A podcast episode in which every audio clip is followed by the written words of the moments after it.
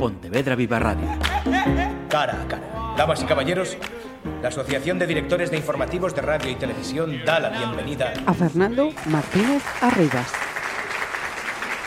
Mucho se está hablando del voto por correo. No sé si exactamente o no exactamente, pero es lo que vamos a tratar de hacer en este cara a cara. Hablar de qué es lo que pasa con el voto por correo. Hemos llamado, y tengo que darle las gracias a esta charla, a Fernando Martínez Arribas. Bienvenido y reitero públicamente las gracias, Fernando. Gracias a vosotros por invitarme. Fernando es em, doctor en Derecho Público y Teoría del Estado y licenciado en Derecho. Sí, sí, correcto. Profesor de Ciencia Política y Administración en la Facultad de Dirección y Gestión Pública de la Universidad de Vigo. Sí, aquí no, no campus de Pontevedra, sí. También eres eh, profesor en la UNED, profesor tutor, ¿no? Tutor. Y ¿Ejerces como abogado? ¿Sigues ejerciendo como abogado? Bueno, sí, sí, pero te agradecería ya que dejaras de decir todas estas cosas que a la audiencia creo que poco le van a aportar y a mí me ruborizan casi. ¿no?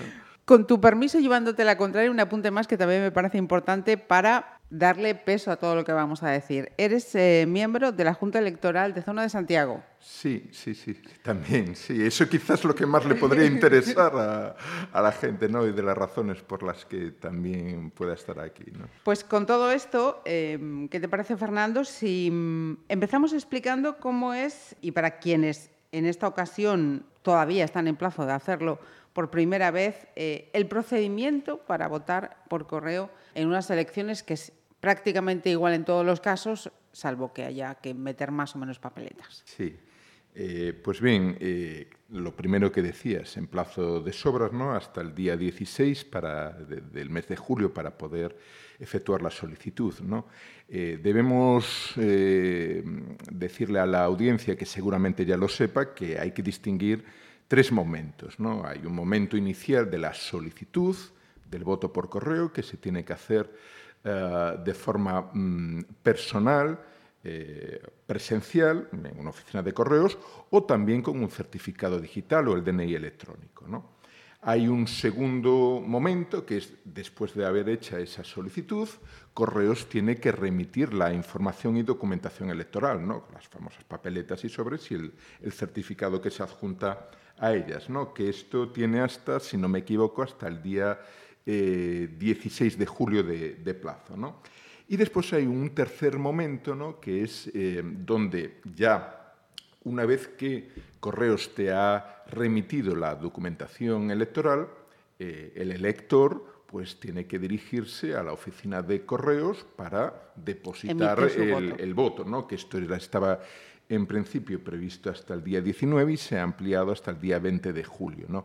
Y este tercer momento, pues es el que seguramente, probablemente me, vas a preguntar después, fue objeto de alguna polémica reciente porque no era necesario, ¿eh? Eh, eh, cuando estamos hablando de lo que es el depósito del voto en la oficina de correos, no era necesario, por ley, por la ley orgánica del régimen electoral general, que lo hiciera el elector personalmente.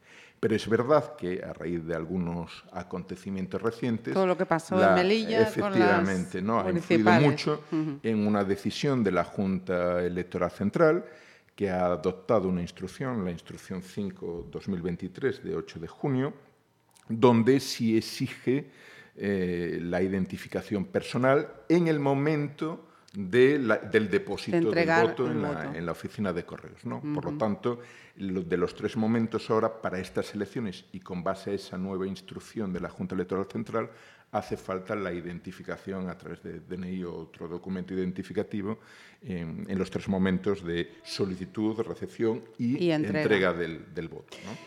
Em, en todo este proceso pueden em, suscitarse, plantearse algunas eh, dudas, reticencias. Em, por ejemplo, correos. Eh, una vez eh, solicitado el voto, puede entregarse la documentación entre el 3 y el 16 de julio, nos decías. ¿Y cómo se puede hacer? Si en ese intervalo de tiempo no vas a estar en el mismo lugar. Es decir, mm, yo voy a estar fuera y digo, bueno, a ver, ¿dónde les pido que lo manden? ¿Al mm. lugar donde se supone que voy a estar? ¿A mi domicilio habitual? Sí, es verdad que además eh, la fecha de celebración de estas elecciones, pues ya se ha hablado mucho sobre esto, pues son fechas, es una fecha, 23 de julio, donde hay mucha gente en periodo estival o vacacional, ¿no? Pero bueno, ahí, y no es nada nuevo, eh, está previsto que mm, el elector o el solicitante, a la hora de solicitar su voto por correo, puede eh, poner no solo su domicilio habitual, sino puede poner el lugar donde va a estar de vacaciones o incluso un apartado de correos, que eso también lo admite el propio correos, con lo cual no tiene que ser su lugar de residencia. Es decir, yo sí preveo que en tal fecha voy a estar en tal sitio, que es mi lugar de, vacaciones, pues puedes poner esa fe, ese lugar en eh, a la hora de hacer la solicitud en, en Incluso si voy a estar en un hotel. Hombre, cualquier eh, domicilio, lo, único que hay que prever efectivamente es que Correos va a remitir la documentación en unas determinadas fechas. Entonces, claro, es que no hay que preverlas. a tal hora. Por ejemplo, tú la solicitud ya la puedes hacer ahora, pero la remisión, si no me equivoco, se va a empezar a hacer a, primer a principios de julio, entre, a partir del día 3. Entonces, claro, si yo imagino, hago ahora la solicitud y digo, no, bueno, pues dentro de una semana voy a estar en tal hotel, pero no tiene ningún sentido ponerlo porque Correos no te va a mandar la documentación la próxima semana, sino que, bueno, la próxima semana casi, es decir, a partir del día 3, que ya el tiempo pasa volando, ¿no? Pero entonces hay que hacer ese cálculo de, por ejemplo, entre el día 3 y el 16. Y el 16, ¿dónde voy a estar? ¿Dónde voy a estar ¿no? Pues ahí entonces digo, bueno, pues voy a estar en el hotel, en casa de mis de mis padres o en esta segunda vivienda segunda residencia pues se puede poner a la hora de hacer la solicitud. ¿Y si se va a estar fuera de territorio español, también se puede pedir que te lo envíen ahí o eso no? No, bueno, aquí hay que, mm, esto estábamos hablando fundamentalmente para España, cuando estamos hablando del exterior debemos distinguir distintas situaciones. ¿no? Primero hay los residentes ausentes que están de forma permanente al CERA, ya lo sabemos, Después hay los residentes temporalmente ausentes, ¿no? el, eh, ERTA, ¿no? residentes temporalmente ausentes, que tienen que estar inscritos. Entonces, por ejemplo, el, típico estudiante de Erasmus que está allí, pues está inscrito y, y, puede ejercitar su derecho de voto a través de la oficina consular correspondiente y se prevén una serie de mecanismos también. ¿no? Pero lo que me preguntabas, si, te he entendido bien, es otra cosa, ¿no? Que, está, está en Portugal o en Francia en ese periodo de tiempo. No, no se puede utilizar esta vía porque, está, porque esa persona no va a estar inscrita en el censo de españoles residentes temporalmente ausentes. Lo que podría hacer, y me da Paulo a relacionarlo con la instrucción anterior, ¿no? así pensando un poco en voz alta y, sin perjuicio de que alguien de instancias superiores me, me diga lo contrario, em, esta instrucción de, eh, de, que adoptó la, la, Junta Electoral Central, eh, la 5-2023, que exigía la identificación del elector en, en, el momento del depósito del voto, de la entrega del voto en la oficina de correos, sí permite también que si eh, la persona eh, que hace la solicitud hace una autorización firmada por ella, le entrega una copia del DNI de ella y, se lo, y autoriza a, otra persona, que también ha de aportar su DNI para que quede constancia de quién es el, el autorizante y el autorizado, ¿no? con los DNIs y una autorización firmada, pues si hay una persona que va a estar en el extranjero esas fechas y ha hecho el procedimiento previo de solicitud eh, en España, pues puede darle esa autorización y que esa persona con esa autorización y esa documentación de los DNIs eh, respectivos pueda hacer entrega de lo que es el, depósito de ese voto en la oficina de correos. eso es una posibilidad que, está, que es posible, ¿no? desde mi punto de vista. Lo, que hace, lo que hace el saber, no se me había ocurrido a mí esa posibilidad, no es mi caso. ¿eh? Bueno, bueno, a, ver si, a ver si de, de, aquí entonces nadie nos dice que no se puede, ¿no? pero yo con la, con la instrucción de la Junta Electoral Central es una facultad que, que se prevé. ¿no? ¿Cómo se garantiza que no se pueda votar por correo y en urna? ¿En qué momento eso el sistema dice lo tenemos suficientemente garantizado para que no haya esa duplicidad? Bueno, pues está, esto es relativamente fácil, ¿no? porque después de ya llevar muchos años funcionando, el sistema es bastante, está bastante automatizado en esa cuestión. ¿no? De hecho, los que a todos aquellos y aquellas que les ha tocado ser miembro de una mesa electoral, esta pregunta te la pueden responder incluso mejor que yo, ¿no? porque el día de las elecciones, cuando comienza la jornada electoral, se les remite a los componentes de, la mesa, a la mesa electoral, un censo eh, donde eh, los solicitantes de voto por correo, al lado de su apellido de su nombre aparece, y de sus datos aparece una C, que ponen que son solicitantes de voto por correo. Con lo cual, ya queda acreditado que todas aquellas personas que en el censo de esa mesa tienen una C al lado, han sido solicitantes de voto por correo y ya no pueden ejercitar su voto en urna de forma presencial ese día. ¿Cuándo se entregan en el colegio, cuándo y cómo se entregan en el colegio electoral esos votos y, cómo se custodia hasta ah, que llega el... A ver, vamos a ver, eh, dos cosas, ¿no? De lo que me preguntas, que me preguntas así muchas cosas, vamos a, ver por partes. En, la jornada de votación, Correos eh, se le, remite los votos a cada una de las, de las mesas a primera hora de la mañana, a las nueve de la mañana, eh, y, después, una vez que acaba la jornada de votación, esas, eh, esos votos por correo son introducidos por el presidente en la urna para hacer su. Al final, cuando. Al final, se reciben el precio y después se introducen al final. Después me preguntabas por otra cosa, ¿no? que es el procedimiento de, de custodia. ¿no?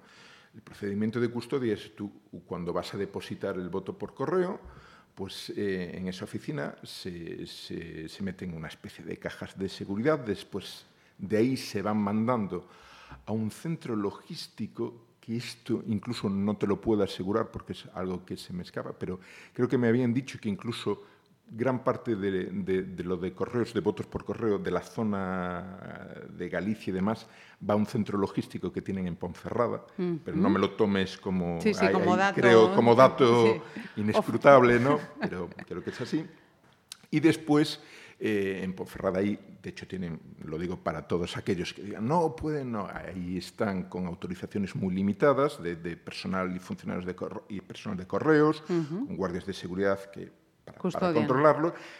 Es decir, hay guardias de seguridad que impiden el acceso a personas que no pueden entrar y los de dentro, el personal lo que hace es clasificar en función de, de, dónde, proceda.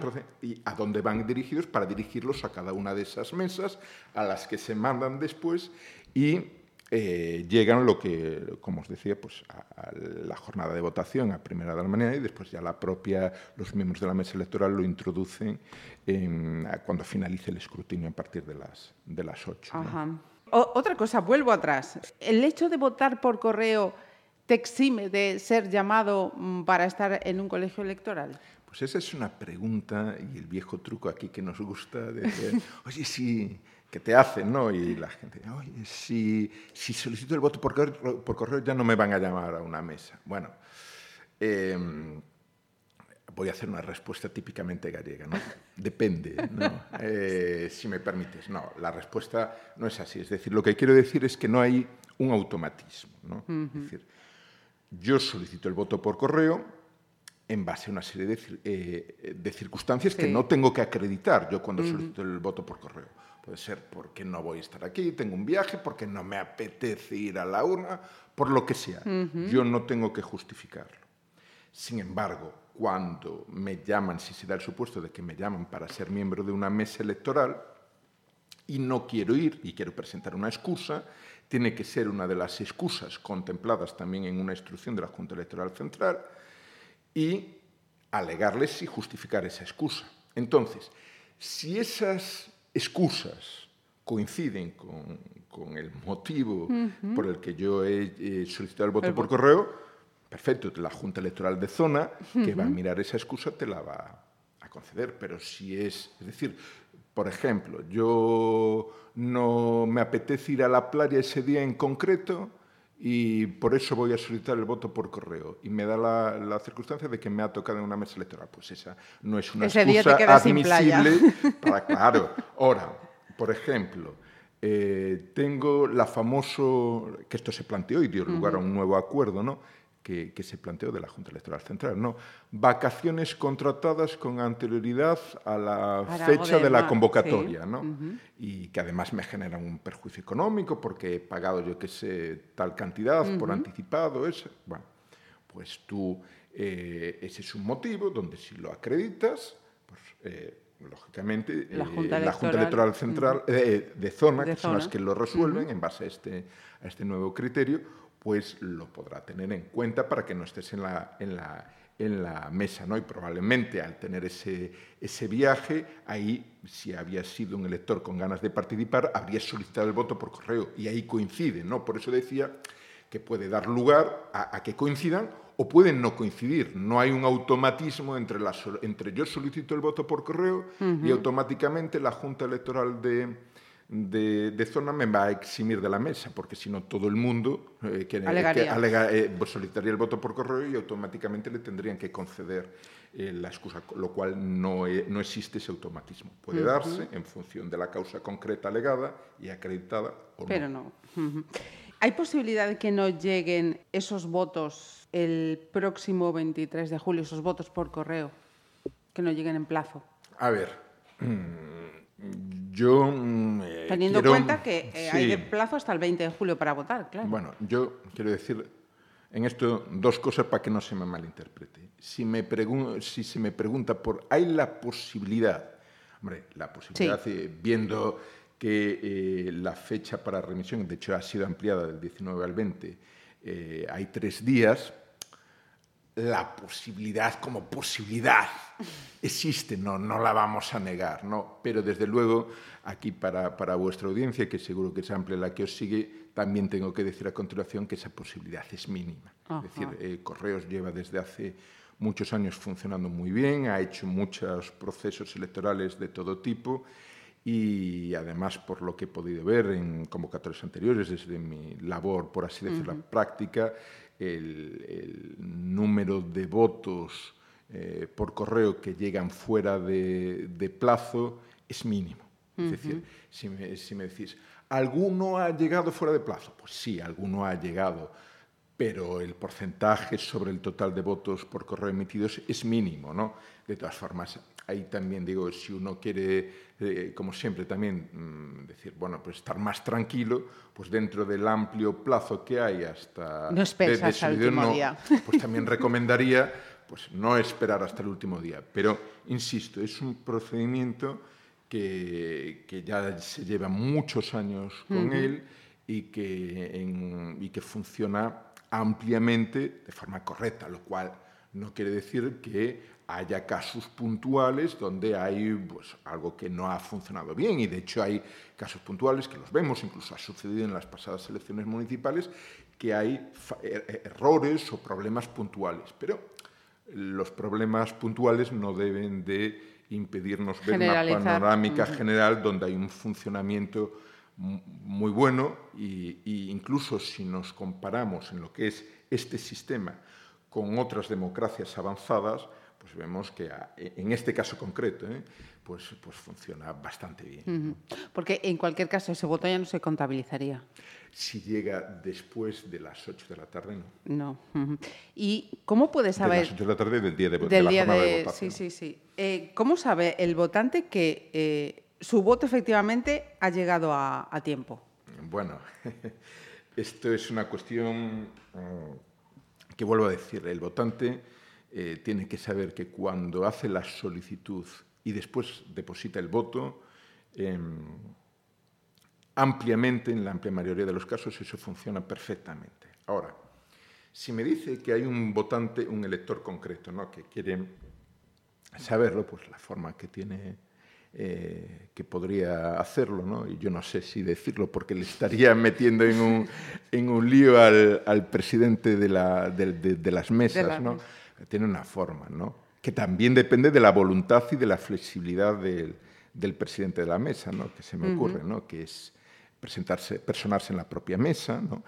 allí no va a poder votar porque es solicitante y ha votado por correo, y decirle, mire, usted cuando ustedes cuelguen, o sea, vuelquen los votos por correo al final de la, de la, jornada de votación, se coteja que los votos que, que, que hay dentro que de van, la urna porque son... se introduce con sobre por fuera, ¿no? donde va el certificado y, y, el, y, el, voto concreto que va en un sobre interno, ¿no? para que se respete el secreto de voto, pero por fuera sabe quién es el elector, y entonces uh -huh. se coteja.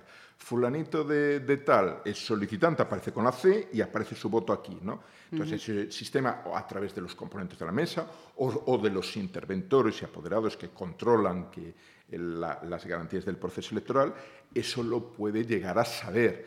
Lo que pasa es que también digo que en unas elecciones donde puede haber una amplia participación o además, claro, si todo el mundo utiliza ese mecanismo... También el, para qué el, sirve el, votar al el, correo, el presidente eh, puede llegar un momento que diga, oiga, yo esto no lo tengo por qué uh -huh. hacer y no lo tiene por qué hacer. Sí, ¿eh? sí, es sí. una facultad vol voluntaria ¿no? y que desde luego eh, el presidente, espero que no nos estén escuchando futuros presidentes de mesa o gente que vaya con esta, con esta cuestión porque se acordarían de mí no para bien con esta, con esta cuestión. Y ¿no? también sería un poco eh, ilógico si tú vas a votar por correo porque no puedes estar ese día en tu ciudad, porque no quieres que luego vayas al colegio para decir, oye, ha llegado mi voto.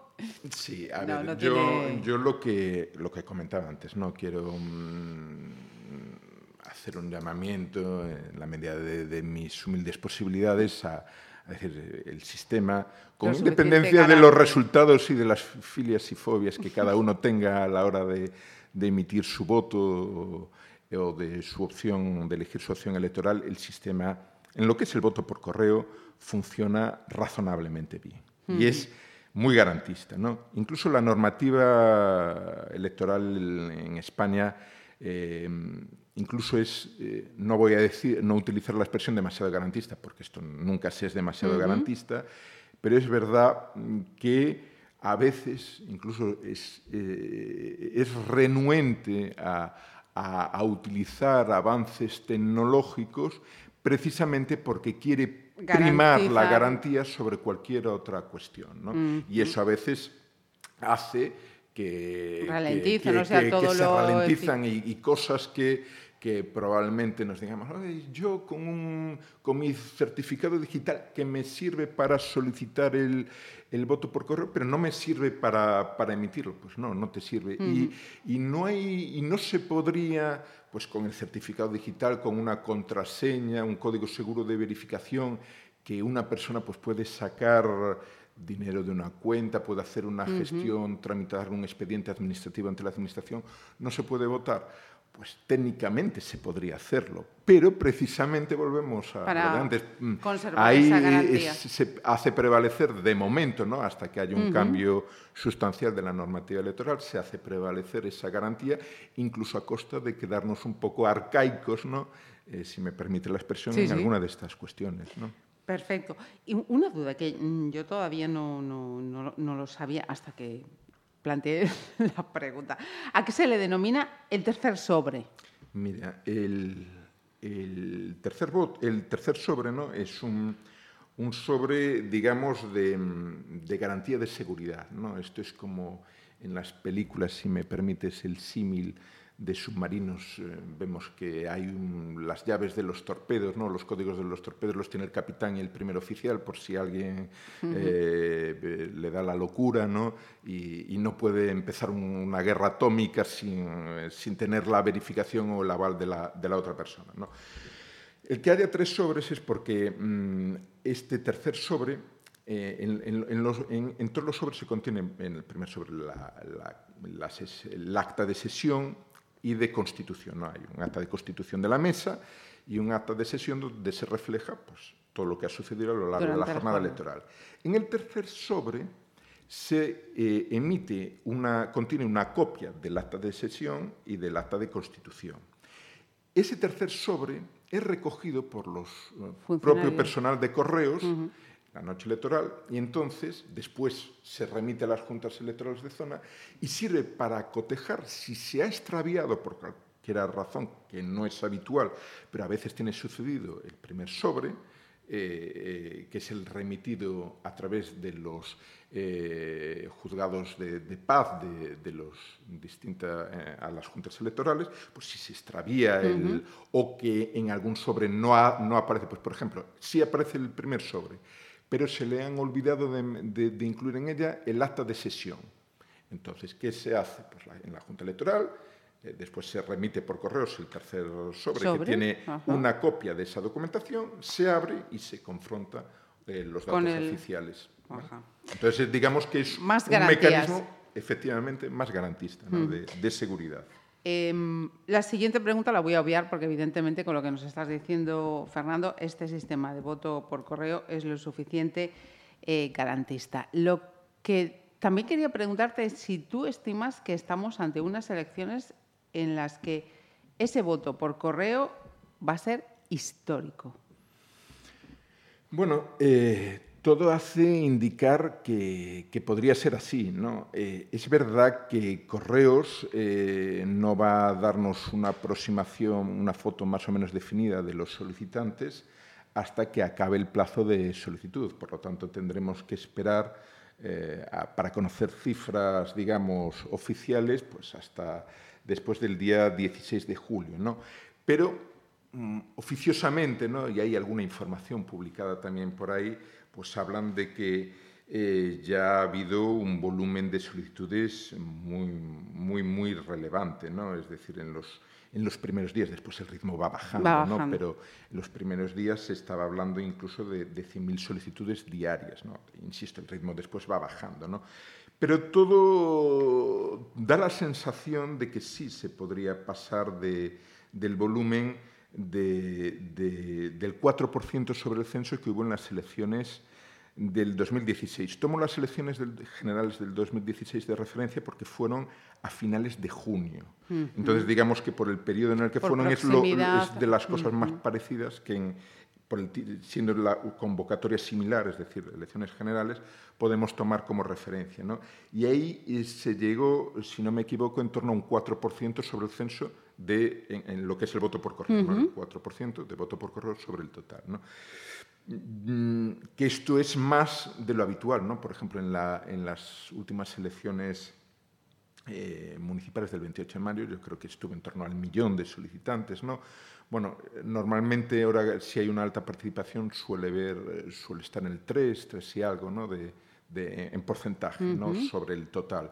Bueno, probablemente se pueda llegar al 4 que hubo en las elecciones del 2016 de junio y a lo mejor se supera, ¿no? Pero bueno, ahí sí que eh, preferiría ser prudente y esperar a tener cifras oficiales y no especular, ¿no? Pero es verdad que con la polarización que se percibe, las fechas en las que son, eh, es posible que, los guarismos del 2016 eh, se estén ellos o se superen ¿no? en cuanto al voto por correo. Um, quería preguntarte, mirando a las anteriores eh, elecciones, a las municipales, por un caso mm, en los que va a haber que repetir una convocatoria electoral precisamente por el voto por correo, Castro Caldelas. Mm, sí, bueno, vuelvo a decir lo de antes, ¿no? Eh, que hay alguna incidencia, pues hay, ¿no? Castro Caldelas ha habido algunas también en, municipios de, la provincia de A Coruña, ¿no? Pero, pero vamos a ver, de los 313 eh, municipios de Galicia estamos hablando de, de algo muy puntual, ¿no? Por eso decía, el sistema mm, en lo que es en términos generales funciona, lo cual no significa decir, no, es imposible que no haya ninguna incidencia. Las hay, para eso están los, los recursos que pueden hacer las distintas candidaturas y, afectados, hay mm, los distintos procedimientos ante las juntas electorales o ante los tribunales correspondientes, se toman las decisiones que, que procedan y si después pues, afectan a la constitución, de, al reparto de escaños o de, diputados provinciales o de concejales en alguna eh, corporación, pues se ordena eh, la, suspensión de la constitución hasta que esté definido cómo queda esa composición. ¿no? Y de hecho hemos visto que hay algún ayuntamiento, algunos ayuntamientos que no se han podido constituir todavía porque están pendientes de la resolución de algunos recursos. Bueno, pero esto yo lo situaría en, el ámbito de precisamente de que el sistema es garantista eh, en cuanto al voto por correo, que a veces se producen incidencias que cuando se producen pues se tratan de, resolverlas también del modo más garantista posible y eh, pues eh, con todas las precauciones posibles vuelvo a incidir que, un árbol no nos impida ver el bosque. una, curiosidad. Em, me imagino que el mes de julio, como miembro de la Junta Electoral, va a ser intenso para Fernando, ¿o no? Bueno, sí, va a ser intenso, pero no solo por, estar en una Junta Electoral, para, va a ser intenso para, para mucha gente, ¿no? Y no, no vamos a hacer, yo, te agradezco que te preocupes en este caso por, por el invitado, ¿no? Pero, pero bueno, hay mucha gente que realiza trabajos mucho más complicados en, el mes de julio y no me siento especialmente perjudicado por, por la convocatoria electoral. ¿no?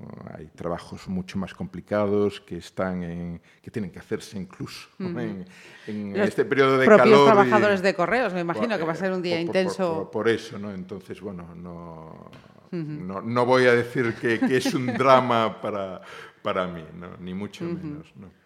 Perfecto, pues eh, Fernando Martínez Arribas, te agradezco muchísimo el tiempo que nos has eh, dedicado aquí en el estudio y previamente, que se ha trabajado muchísimo esta, esta entrevista, pues agradecerte tu tiempo y tu colaboración en este cara a cara. Gracias a vosotros y queda a vuestra disposición. Pontevedra Viva Radio. ¿Me permiten que les haga un comentario como espectadores del programa Cara a Cara? Según un reciente sondeo de mercado, Ustedes disponen de estudios e inteligencias superiores a la media. Sus intereses abarcan desde la actualidad mundial y la ciencia hasta el deporte y los espectáculos.